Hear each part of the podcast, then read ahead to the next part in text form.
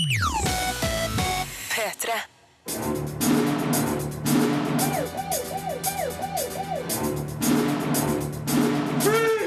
Filmpolitiet! What's your name, dude? Birger Vestmo. What kind of stupid name is that? Seth Rogan og Zac Efron byr på rå voksenhumor med substans i Bad Neighbors. Anna Odell tar bitende oppgjør med egne mobbere i Gjenforeningen. Og Paul W.S. Anderson gir oss Guilty Pleasure-fest med kalkunlukt i Pompeii. Foruten anmeldelse av de her premierefilmene skal du òg få høre hvorfor spillet The Amazing Spider-Man 2 er nok en mislykka spillifisering av en kinofilm. Du får møte Seth Rogan og Zac Efron på filmsettet til Bad Neighbors. Anna Odell forteller hvordan det var å møte gamle klassekamerater før innspillinga av Gjenforeningen. Og Filmbonanzas Vegard Larsen og jeg sjøl skal dele våre forventninger til den nært forestående filmfestivalen i Cannes. Filmpolitiet anmelder film. Hei. Hi, it's a fabulous neighborhood. Seth Rogan og Zac Efron leder an i en saftig svart stoner-komedie, der både språk, handlinger og situasjoner går opp i en herlig oppskjøen enhet. Bad Neighbors er en voksen film på all måte, og er befriende lite fintfølende eller politisk korrekt.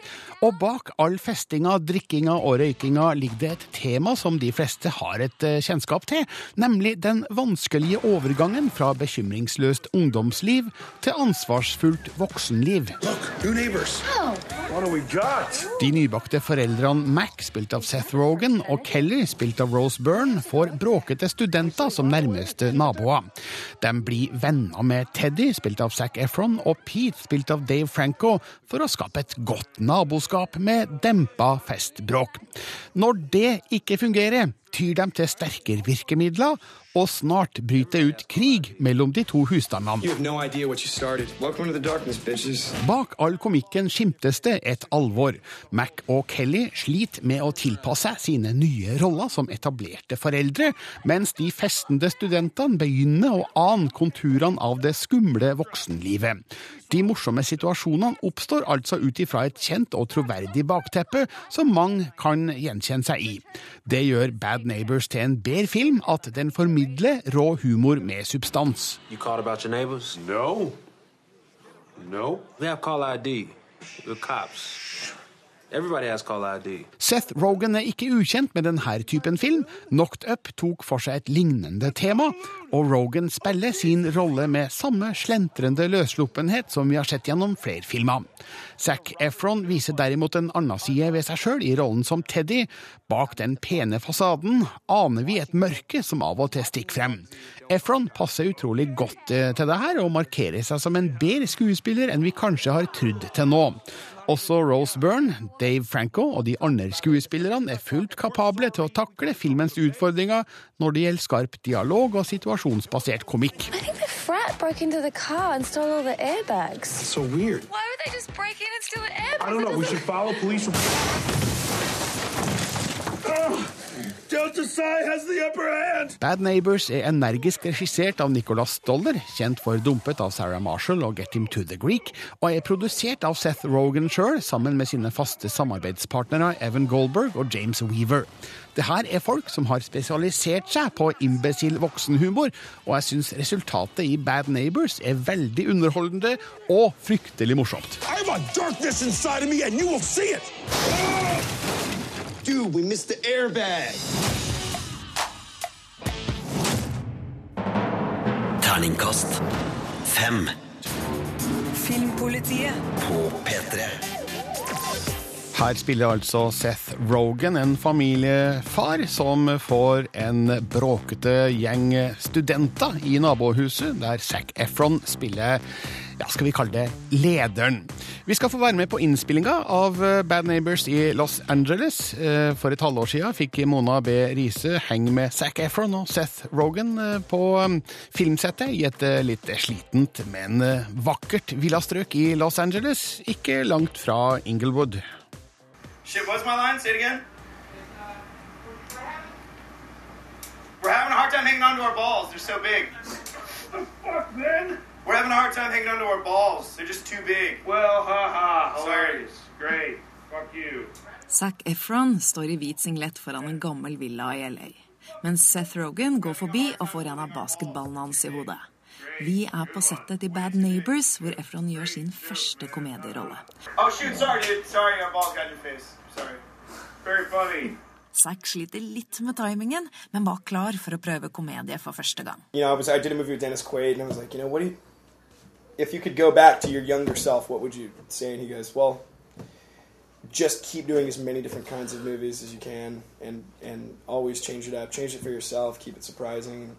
I the only way I really wanted to ever be in a comedy was if it was with somebody that I really believed in, and I believe in you know Seth and Nick and these guys, and I think uh, We won't let you down, Zach. yeah, I, I don't think they can. We're, We at can the very least sometimes, having one of the most fun we've ever. Tonen er god etter uker på settet, selv om de er finere i filmen. Zac Efron er for en gangs skyld ikke kjekkas hjertesmelter, men en litt kjip kjekkas. My character is the president of the fraternity, and uh, he's I think he's a little bit coming to grips with how quickly his like adult future is coming, where he's not going to get to be the king of the world anymore. The same thing we had. And it's sort of a similar Yeah. problem. I think they, we, we, I'm kind of afraid of them for that reason. That's just like they represent everything I don't want to do. I mean, I definitely relate to it. Me and my wife. Uh, I mean, I'm married. We, we don't have any kids, but we. This is probably why we don't have kids because we're afraid that we won't be able to do any of the fun shit that we like to do right now. You know. Um, but I would definitely relate to the yeah. I mean, fear. I think of your you know younger life ending and your adult life starting. Is that a balloon? You find a balloon? Oh, That's not a balloon. Oh, Jesus! Nick Stoller, som har regissert 'Forgetting Sarah Marshall' og 'Get Him to the Greek', står også bak 'Bad Neighbors'. Your baby has HIV. Is how bad this could have gone. The condom was unused. Det er første gang Nick regisserer Seth Rogen, men de hadde felles kontor for 13 år siden. He said he was horrible. Yeah, I would joke. I was probably not the best guy to share an office with. I was really loud. I watched a lot of movie trailers on the internet. That's, that's when. That's when App. That's. I think that's the year Apple launched like the iTunes movie trailer page, which was very exciting for us. Um, Nick Stoller ville lage filmen fordi han selv har erfart det både Seth og Zacks rollefigurer går gjennom. I've experienced both of those. Like the, the year I graduated from college, I was like a basket case, and my, my daughter's now five and a half. But like when she was born, and for the first six months, only in retrospect did I realize that I was like extremely depressed and freaked out. so, What would you say is your comedy philosophy, if you, if you have one? a oh, comedy philosophy. Oh, I mean, I think like you know, uh, Billy Wilder had a had a phrase that I thought was like really good, which is like you want like a bitter pill at the center of this delicious cake. I don't know if that's the exact phrase, but I remember the bitter pill, and you build this cake around it. And I think that like the best movies, not just the best comedies, but the best movies have something like real and and uh, truthful at the center of it. Um, and then you put all the sweet icing and stuff on uh, whether it be uh, dildos and fake dicks and all this other stuff uh, around it, so, and so that you know, as you're trying to tell this like little piece of honest story. Zac Efron, Seth Rogen og regissør Nick Stoller ble intervjua av Mona B. Riise. Bad Neighbors. Kul film. Terningkast fem. Check it out. Filmpolitiet anmelder spill. The Amazing Spider-Man 2 går så det griner på kino. Det er da ca. 80 000 som har sett den i Norge så langt, og nå har det ledsagende spillet kommet. Men Rune Haakonsen, spill basert på filmer pleier jo sjelden å være en særlig god sak? For å si det sånn, jeg håper ikke at 80 000 nordmenn går og kjøper The Amazing Spider-Man 2 eh, på enten konsoll, PC eller andre mulige plattformer, for dette er rett og slett et superheltspill basert på filmen med laber kvalitet. Hey, you stay right there. I won't forget this, Spider-Man. It's payback time. You think that can stop me? I'm stronger than you. I'm faster than you. You can't beat me now. Her hørte vi altså lyd fra det nye spillet The Amazing Spider-Man 2. Og ja, dette er altså dritt, Rune? Ja, det, det, vet du Nå liker jeg godt at du tar, du tar det for det det er, Birger. Dette er et spill som er pumpa ut i litt for høyt tempo. og det er jo nesten blitt en tradisjon da at spill som følger med de store blockbuster-filmene, ikke holder den høye kvaliteten som man forventer av en sånn stor produksjon. Det finnes noen unntak øh, på denne typen spill. Batman, Arkham Origins, Arkham City, Arkham Asylum osv. Disse spillene er et eksempel på det motsatte, men eh, forskjellen er at spillutviklerne da i Rocksteady Games, som står bak disse spillene, har fått muligheten til å ha si, full kreativ eh, fridom til å kunne utvikle et spill som eh, baserer seg på universet, men ikke følger filmenes historie i nevneverdig grad. Det funker. The Amazing Spiderman 2, som da følger filmen i veldig høy grad, gjør ikke det. Kreativ fridom, eh, betyr det samme som frihet? Eh, Ja, i, i, i bunn og grunn, ja. ja. Det gjør det. Jeg bare lurt. Ja, men hva er det som er i veien med The Amazing Spider-Man 2, da? Før jeg går helt i kjelleren, så kan du si at det jeg har savna i et Spiderman-spill i mange år, er muligheten til å svinge meg mellom hustakene gjennom en storby og virkelig få nesten kjenne at vinden blåser gjennom håret.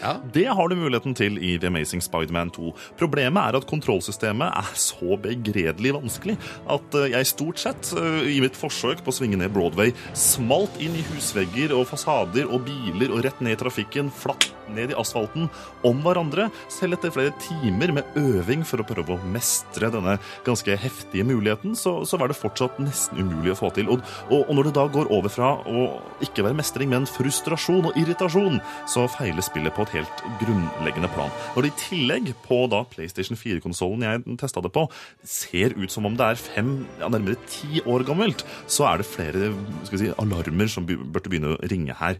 Eh, Binox eh, Studio, som står bak eh, spillet, har tidligere laga mange porteringer. altså De har tilpassa andre spill til nye plattformer osv. Og jeg, jeg, må si jeg, jeg ser tendensen til at kvaliteten er i det nedre sjiktet også da i, i dette spillet. Så hvis du legger sammen dette, at du ikke får noe særlig god følelse av å svinge deg rundt i byen, eh, figuranimasjonene ser du, De ser helt forferdelige ut, for helt ærlig.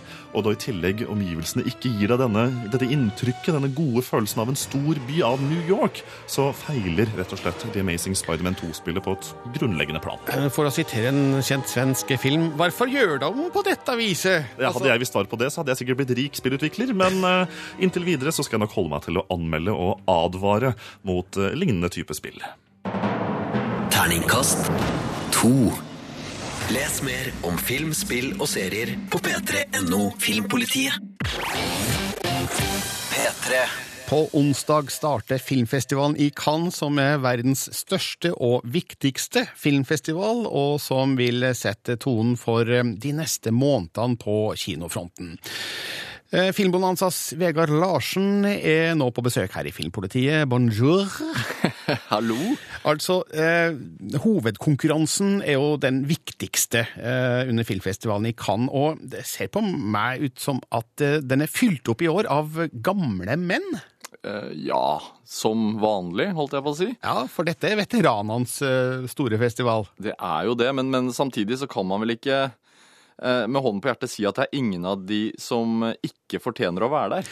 Nei, det er riktig. Altså, vi har da eh, solide herremenn som Mike Lee eh, skal dit med Mr. Turner. Atom Egoyan eh, kommer med filmen Captives. Eh, skal vi se nedover litt der. Tommy Lee Jones faktisk med The Homes Man, David Cronenberg med Maps to the Stars, brødrene Dardenne med De jour un nuit. Eh, Var det korrekt fransk? I hvert fall to dager, én natt. Eh, Michel Hasnavicius med The Search, Ken Loach med Jimmy's Hall.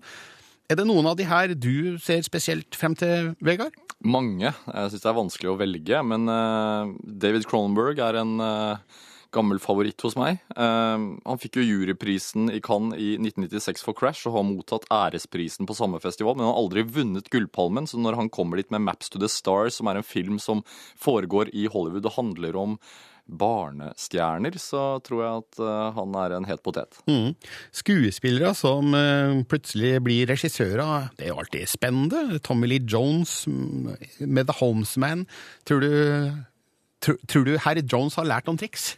Ja, absolutt. Altså, han uh, har jo uh, lagd en uh, film tidligere, og han er, han er en habil regissør, så at han har pl blitt plukket ut, det er jo kanskje litt overraskende, men jeg tror han veit veldig godt hva han driver med. En, en fyr jeg er spent på, er jo Andrej Sjagentsev, altså russeren. Han har lagd Elena fra før, som er en strålende. Han er der med en film som heter Levethian, som refererer til sjømonstre i Det gamle testamentet, så han uh, gleder jeg meg til å se hva han har fått til. Andrej Svgsev.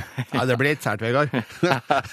Eh, Men uh, den mest kanskje kommersielle av disse filmene, hvis vi kan omtale noen av dem som kommersielle, er kanskje åpningsfilmen 'Grace of Monaco' av Olivier Dahan, der selveste Nicole Kidman spiller fyrstinne Grace.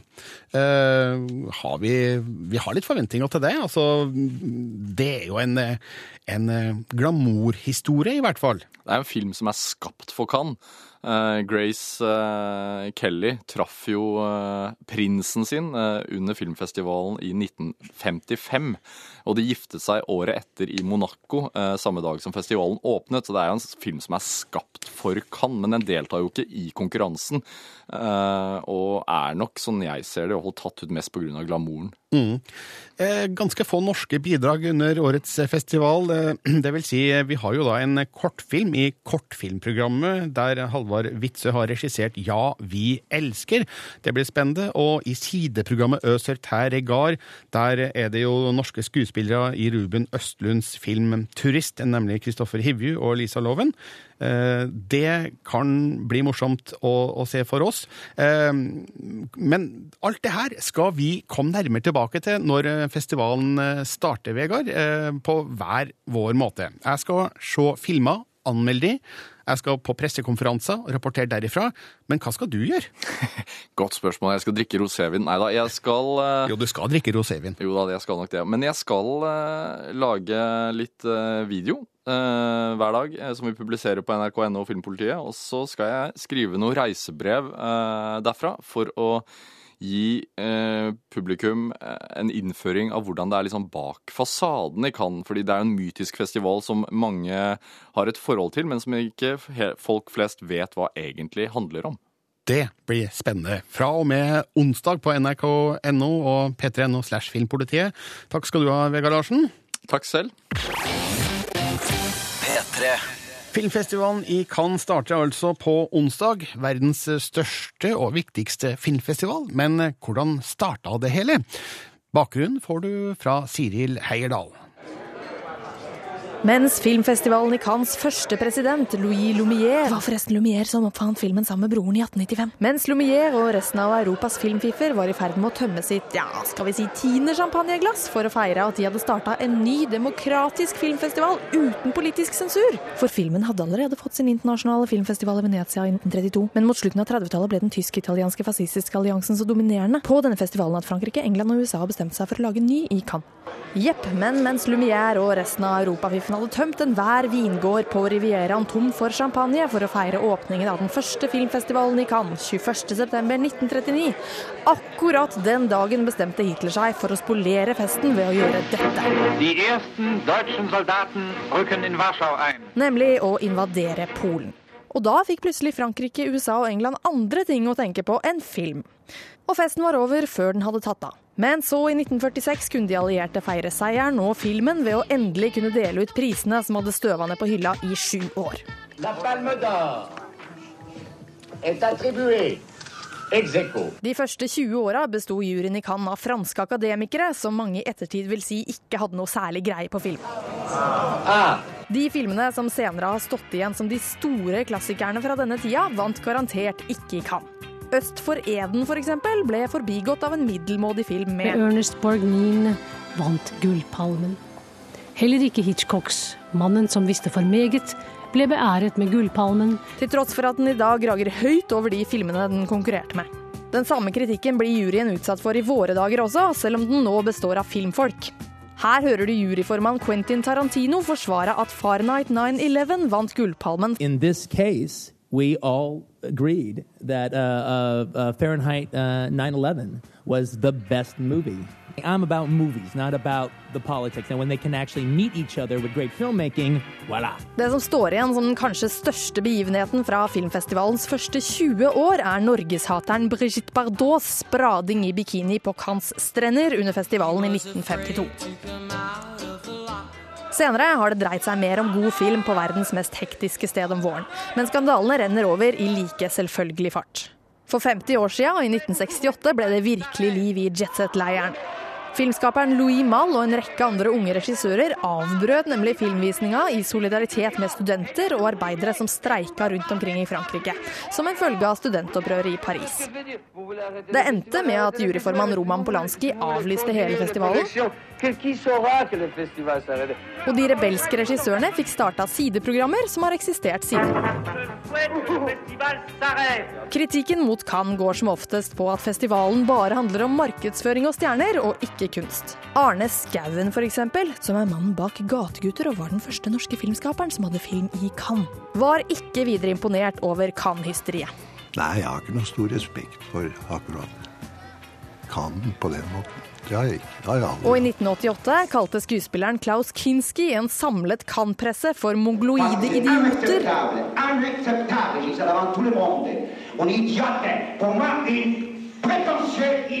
Og løp fra hele pressekonferansen. Likevel, vi skal ikke kimse av at Vesten oppdaga Kurosawa og annen asiatisk film i Cannes. At svensker og dansker, italienske neorealister og fransk nybølge dukka opp her og markerte seg. At Per Høst hadde reinsdyr og dansende samer på stranda da han viste samijakki, eller at Gullpalmen er av gull. P3. Dette er Dette er P3. P3. Det var Siril Heyerdahl som ga deg bakgrunn for filmfestivalen i Cannes. Den 67. utgaven starter altså på onsdag, og den dekkes i eh, både radio og på nett. P3.no slash eh, filmpolitiet på nett, og P3 på radio, faktisk. Filmpolitiet anmelder film. Herlig å se at det er så mange som har kommet. Eh, Skål! Det har varit jättekul om några av er kanske vill säga några ord om de fantastiska nio åren som vi faktiskt hade ihop. Kunstner Anna Odell tar et bitende oppgjør med skoleklassen hun var en del av gjennom ni år i filmen Gjenforeningen. En blanding av fiksjon og rekonstruksjoner som ikke alltid er åpen om hva som er ekte og hva som er oppdikta. Dette kan skape problemer i kinosalen for den som på forhånd ikke har innhenta informasjon om prosjektets bakgrunn, men det er en sterk skildring av hvordan minner om mobbing fortoner seg helt annerledes for den som blir utsatt for det, enn dem som utøver det. För meg var det en ständig kamp. Det handlar ikke om å skuldbelägga utan om mitt behov av å si det jeg ikke kunne si då. Filmen er delt i to. Del én er en fiksjonsfortelling, der Anna Odell spiller en versjon av seg sjøl. Hun tar ordet på en klassegjenforening 20 år etter at de gikk ut 9. klasse. Hun forteller hvordan hun følte seg mobba, både gjennom usynliggjøring og aktive handlinger, og befant seg nederst i klasserommets hierarki. Den troverdige dialogen og det skarpe skuespillet viser hvordan dynamikken fra 20 år tilbake automatisk gjenoppstår når tidligere klassevenner samles. Man går inn i sine gamle roller som om det var i går. Anna gjør òg det når hun trer inn i rommet til nølende mottagelse og forsiktige klemmer. Jeg var den man skrattet åt, den man eh, knuffade på, den man helst ville slippe se. I virkeligheten ble Anna aldri invitert til klassens gjenforeningsfest. Filmen er hennes reaksjon på det. Den viser hva som kan ha skjedd om hun hadde blitt invitert, eller i det minste hvilket utfall hun har drømt om. Mobberne blir stilt til veggs, men det er Anna som får svi for å ha ødelagt festen. Denne delen av filmen er put-orama av ypperste kvalitet. Man krymper i kinosetet av det som skjer når klassekameratene fortsetter mobbinga fra 20 år tidligere uten å reflektere over det. Del én er et ypperlig oppspark til en diskusjon rundt mobbingas vesen. Jeg ble en tønt. Anna, det her er en fest. Det sto, det står på inbjudan, det her er en fest. Det er vel festlig? Ja, men det, jeg, Det må jo faen få si Ja, men det er ingen klassterapi der. Det fest. I del to konfronterer Anna noen av sine klassekamerater med å vise del én, så diskuter minnene. Jeg må innrømme at jeg brukte en del tid på å skjønne at det her ikke var virkelige opptak, men rekonstruksjoner av møtene. Jeg forstår formgrepet i ettertid, men ble lettere forvirra av det under visninga. Her mener jeg Anna Odell burde ha gjort filmens rammer klarere for publikum. Hun gjør òg et stort poeng ut av at flere av klassekameratene ikke svarer på hennes telefoner, noe som i filmen kan virke som en fortsettelse av fortidas usynliggjøring når det sannsynligvis skyldes frykt for offentlig uthenging av en kunstner som i Sverige er landkjent etter sitt forrige prosjekt. Jeg kan ikke si at jeg minnes ikke så mye av, av eh, vår klasse. Altså, jeg har min bild av hvordan jeg var og det var interessant å høre hva du har for bilde av mig. Uansett er det interessante ting som dukker opp i de her rekonstruerte samtalene. Noen legger seg flate, andre forstår ikke at de har mobba og er uenige i Annas bilde av dem. Ingen sier unnskyld. Det skinner gjennom at enkelte av dem mener at Anna sjøl har litt skyld fordi hun lot seg mobbe. Og nettopp her kommer vi til kjernen av problematikken. Filmen formidler hårreisende godt hvordan voksne og presumptivt oppegående mennesker kan virke umodne og ureflekterte når det gjelder sine egne roller som mobbere. Anna Odells film er moden og reflektert. Jeg kan vise denne den filmen nå. I denne filmen så er jeg bjuden. Så det er litt sånn Tenk om. Hva hadde hendt om jeg hadde kommet? Var det det her man ville undvika? Terningkast fire Filmpolitiet. på P3. Og før denne låta hørte du min anmeldelse av Gjenforeningen, der den svenske kunstneren Anna Odell tar et oppgjør med klassen som mobba hun som barn. Odell har laga en todelt film, der første halvdel er en fiksjonsfortelling om en klassegjenforening der hun stiller mobberne til veggs. Mens andre halvdel er en rekonstruksjon av hva som skjedde da hun viste den første delen av filmen til sine virkelige klassekamerater. Under Kosmorama, Trondheim internasjonale filmfestival sist uke, snakka reporter Marte Hedenstad med Anna Odell om hvordan hun opplevde de her møtene. Det er jo en sjukt känslosam film, Virkelig. Jeg var ikke alls spesielt sugen på å gå på den der treffen. Jeg ville ikke ens gå heller. Men hvordan var du, då? Nej, men alltså jag var typ, jag var bland de första som gick. Jag tyckte inte att det var speciellt, alltså jag tyckte inte att du missade något. Nej, men faktiskt inte. Andre halvdel av filmen er Er det rene rekonstruksjoner av det som skjedde da du viste filmen til klassekameratene dine, og da du ringte dem? Eller er det litt eh, Er, det fiksjon inni det? Jeg har försökt liksom återskape det som, så nære virkeligheten jeg har kunnet. Sen er det jo så klart precis som en... Jeg mener det, jeg var jo redd for at når jeg skulle treffe dem riktig, at de skulle ha for bråttom derifra. Men eh, det viser seg att det snarare var jag som fick avsluta mötena. De flesta stannade i upp till fyra timmar. Eh, så att det är ju en väldigt komprimerad... Eh, man har fått välja ut bitar. Eh, Men, men det man kan se är ju så nära jag har kunnat Mm. komma. Og hvordan var det å møte dem i den settingen? Ehm,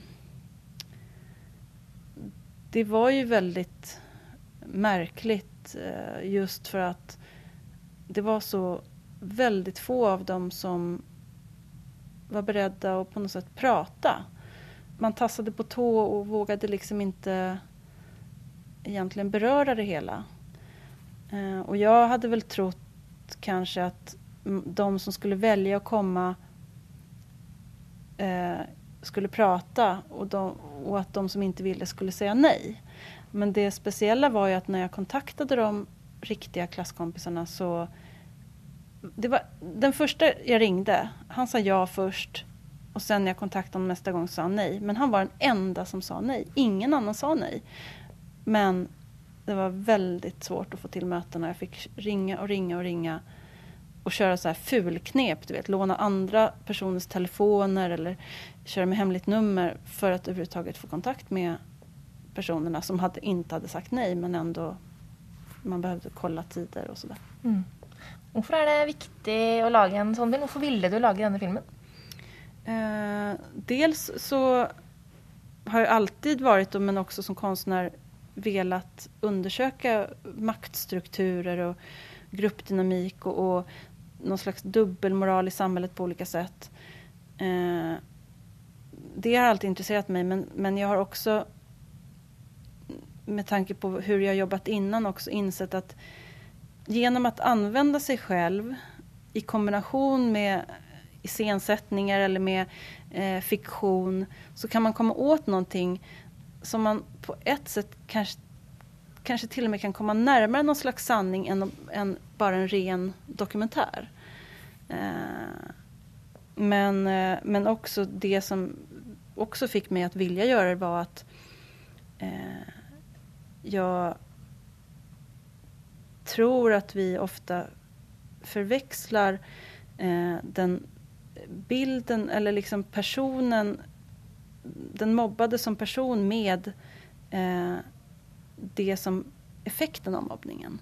En person, att vi, bilden av den mobbade är att ja men den är lite tyst och tillbakadragen och den säger inte ifrån. Men medan jag tror att ja men det är så den som blir mobbad, den blir ju sådan. Hur skulle man kunna fortsätta att vara eh, liksom ta för sig och prata och tro på sig själv när en grupp har vänt den ryggen? Vilken menneske skulle klare av det? Det sa kunstner og regissør Anna Odell om effekten av mobbing, og hvordan det var for hun å konfrontere sine tidligere klassekamerater i arbeidet med filmen Gjenforeningen, som har premiere i dag. Reporter var Marte Hedenstad.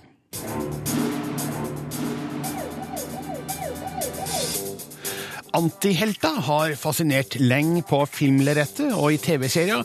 Vi kan se og følge figurenes tvilsomme handlinger, men hva skjer i et spill når det er du som tar kontrollen over en spillfigur som er både slem og god?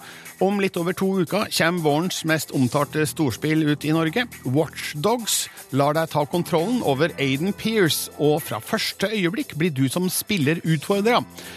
Spillanmelder Rune Håkonsen har møtt sjefsforfatteren bak spillet. My name's Kevin Short. I'm the lead writer for Watch Dogs. Give me four seconds and a clear signal. I'll get in, and you'll never know. But I want you to know. I think off the top of the game, you're kind of left with this.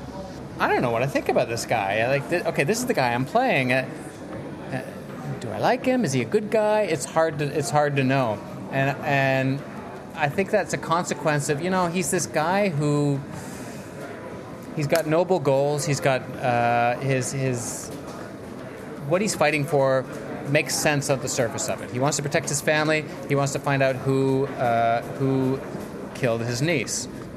Okay, I can relate to that. It takes a while. I think it's going to take players a while to sort of understand who this guy is, and that's it. You know, that's what anti-heroes are like. That anti-heroes don't. You, you don't just automatically get to be like, I'm on board with this guy. We wanted that because he's this guy who is going to do do what he needs to do. He, you know, by any means necessary, he'll do what he needs to do, and he's got pretty powerful uh, weapons at his disposal, and he's willing to use them to at quite extreme ways. So it's it's not easy to be able to say, okay, he's he's a good guy. He's not your, your he's not your typical good guy. Regarding anti-heroes, why do we like them? My sense is we we we want to see someone pushed to the edge. We want to see someone pushed beyond the point of comfort. But we need to relate to them, right? We need to find a way to, to see some humanity in them. Because we've seen villains get pushed to the edge. So you, can push somebody to the edge, but you find them distasteful and, and, and you don't like them. I think we love the idea of being so close to that edge ourselves and seeing, you know, it's almost like you can you get a sense of my god that could be me. I, I could i could become that guy who just goes over the edge. I, I can relate to it. Now can i go as far as he's going for, for this stuff? I'm not sure. And and that's what's cool about the game is we we really challenge the player with that. It's like yes you've got your main missions but now take that attitude into the open world as well. What are you going to do? And the, the, the civilians will respond accordingly. Um, so I, I, that's my sense is, is why we connect with, with anti-heroes. You know, we it gives us a, it gives us something to connect to and almost project ourselves into that. Not that we'd want to be that, but you can project from a distance. You think you're untouchable? I'm here to shatter your illusions. I'll make you understand that you'll never Du hørte Kevin Short med dobbel T til slutt. Mannen som har skrevet historien i Ubisofts kommende storspill Watch Dogs. Gå inn på p3.no slash filmpolitiet for å lese reporter Rune Haakonsens eh, førsteinntrykk av spillet. Han har jo testa det allerede, den heldige grisen. Og last ned vår spillpodkast Filmpolitiet DLC for å høre det uredigerte intervjuet med spillets regissør, Jonathan Moray. Watch Dogs har norsk slippdato 27. mai. Filmpolitiet anmelder film. It was the jewel of our empire. Paul W.S. Andersons Pompeii er kanskje ikke en historisk korrekt fremstilling av katastrofen som ramma den italienske byen i år 79. Vi befinner oss helt klart i filmens eh, tredje divisjon, men Pompeii er i det minste svært underholdende for en skamløs filmanmelder. All svakheta ved den vaklende historien maskeres med storslagne effekter og heftige mengder action. Det fins mye her som man bare må le litt av, men hele filmen er bevisst lagt på et nivå som inviterer deg til guilty pleasure-fest. Historien er en slags krysning av Gladiatoren og Titanic. En slave kjemper seg frem som gladiator og forelsker seg i en høyklassekvinne mot et historisk bakteppe som vi vet vil ende med katastrofe.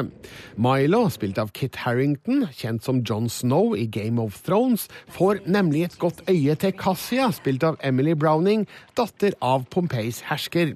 Men hun er på vei til å bli tvangsgift med den onde senatoren Corvus, spilt av Keefer Sutherland og i nærheten har det begynt å ryke fra fjellet Vesuv. We lived in the shadow of a greater power. Det her er ikke en film for den viderekomne kultureliten. Manuset er proppfullt av enkel dialog, enkle problemstillinger og enkle løsninger. Men jeg tør påstå at det ikke finnes ett direkte kjedelig øyeblikk her. Paul W.S. Andersons regi er så til de grader prega av underholdningsflyt at jeg lar være å bruke filmens mangler mot han.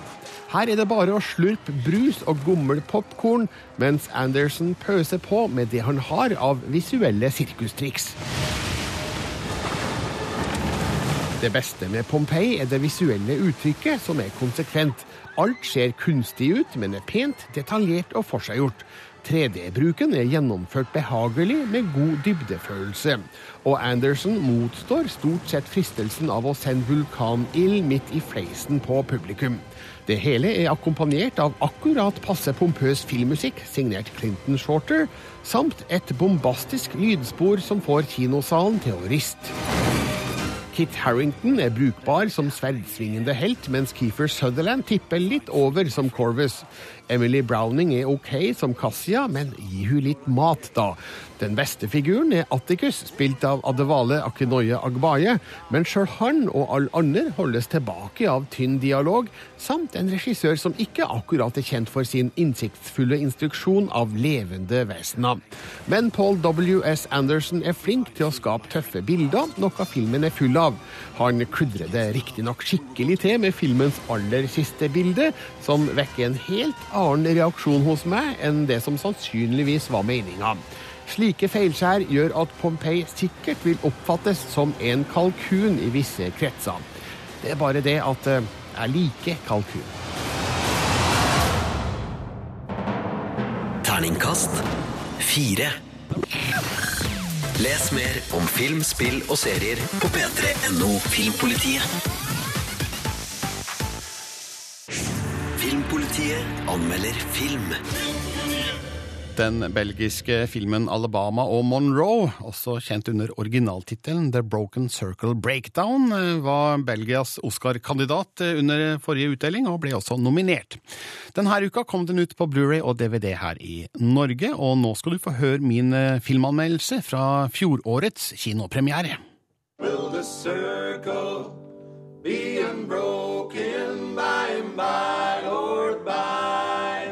Filmen Alabama og Monroe skildrer et intenst kjærlighetsforhold, en tragisk sykdom og, litt overraskende kanskje, belgisk bluegrass. Den tar riktignok en venstresving et stykke ut i historien, og blir plutselig et merkelig angrep på George W. Bush og hans veto mot stamcelleforskning. Men jeg imponeres av skuespillernes sterke innsats og et musikalsk innhold som T-Bone Burnett ville vært stolt av. Wat ik al heel mijn leven van bezeten ben, dat is van Amerika. Dat is een land van dromers. Musikeren Didier, spilt av Johan Heldenberg, møter Elise, spilt av Verle Batens. Begge er ville sjeler på kanten av det etablerte samfunnet, og det oppstår et sterkt kjærlighetsforhold prega av kropp, sjel og musikk. Flere år seinere blir dattera Maybell, spilt av Nell Catrice, alvorlig syk, noe som setter forholdet mellom Didier og Elise på en prøve som kan vise seg å være uoverstigelig. Det er kanskje like fremmed med belgisk bluegrass som det var med norsk country i TV-serien Hjem, men det låt godt, og kan sikkert òg forsvares tematisk.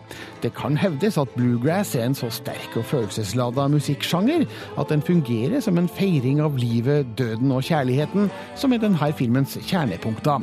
Og mange av filmens fremføringer holder absolutt høy kvalitet, som får det til å svinge i kinosalen. Historien veksler mellom fortid og nåtid i tidshopp som av og til forvirrer, men samtidig skaper virkningsfulle kontraster mellom gammel lykke og fersk tristesse. Men mot slutten føler jeg at manuset er på villspor, når Didier bryter ut i en tirade mot president George W. Bush, som nedla veto mot stamcelleforskning i 2006. Johan Heldenberg har sjøl skrevet teaterstykket som filmen er basert på, og har helt sikkert et sterkt forhold til innholdet, men jeg føler han burde ha begrensa seg i denne delen. Ellers gjør Heldenberg litt av en figur som Didier, full av engasjement og lidenskap. Verle Batens imponerer òg som den ville og frie Elise, spesielt når hennes livskraft møter veggen i historiens siste fase. Alabama og Monroe er en sterk opplevelse på flere måter. Alt henger ikke like godt sammen, og noe kan oppleves som fremmedelementer, men jeg sitter igjen med et inntrykk av en film som prøver hardt, og er alt annet enn likegyldig. Terningkast fire. Jeg møtte regissør Felix van Grøningen da han gjesta filmfestivalen i Haugesund i fjor høst. og Da fortalte han hvordan filmen er basert på et teaterstykke, og hvordan han eh, fikk forvandla det fra scene til film. Uh, for the theater play, it was already the case. So the theater play was actually the setup was like a bluegrass concert. You had like a band; they were all in white suits, looked very beautiful. They played songs, and then between the songs, the singer and the and the female singer, they started telling their story, and then you understood that they were a couple or had been a couple, and that they had gone through um, tough periods uh, together uh, um, with their kid, and and um, and so that's how the story evolved. That they were just talking to the audience, telling what happened. You didn't see the kid, you didn't see any scenes from their marriage or anything. It was just them talking about what had happened. But in between their story, you had this music who really made you, as a viewer, unable to to drop out of the of the emotions. It, you, you just really went along with the happy times, with the beautiful things that they had lived through, but also the horrendous, uh, sad Yes. things. So you think the music helps us connect emotionally to, to what the characters are going through?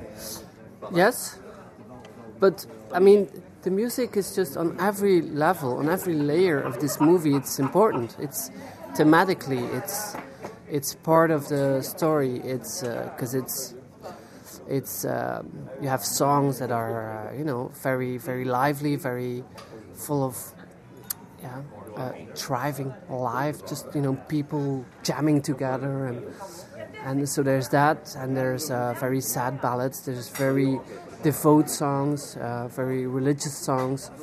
So on every level, this this um, music is part of the movie because it's so like I said, thematically, it's that's what the movie's about. It's about people who go through a very different phase and and react differently and and you know lose themselves before they lose each other. Um, and then the um, emotionally it helps you connect to what they're going through but it's also really part of what they are what they're what they are in life. I mean, they're obsessed by the, this music, and it's a couple that plays together on a on a stage. So it's also what connects the characters. Det sa regissør Felix van Grøningen om hvordan Alabama og Monroe gikk fra teaterscene til filmruta, og hvordan bluegrass-musikken spiller en rolle i det hele. Nå er filmen altså ut på Blu-ray og DVD. Dette er Filmpolitiet. Filmpolitiet på P3. Hør flere podkaster på nrk.no podkast. P3.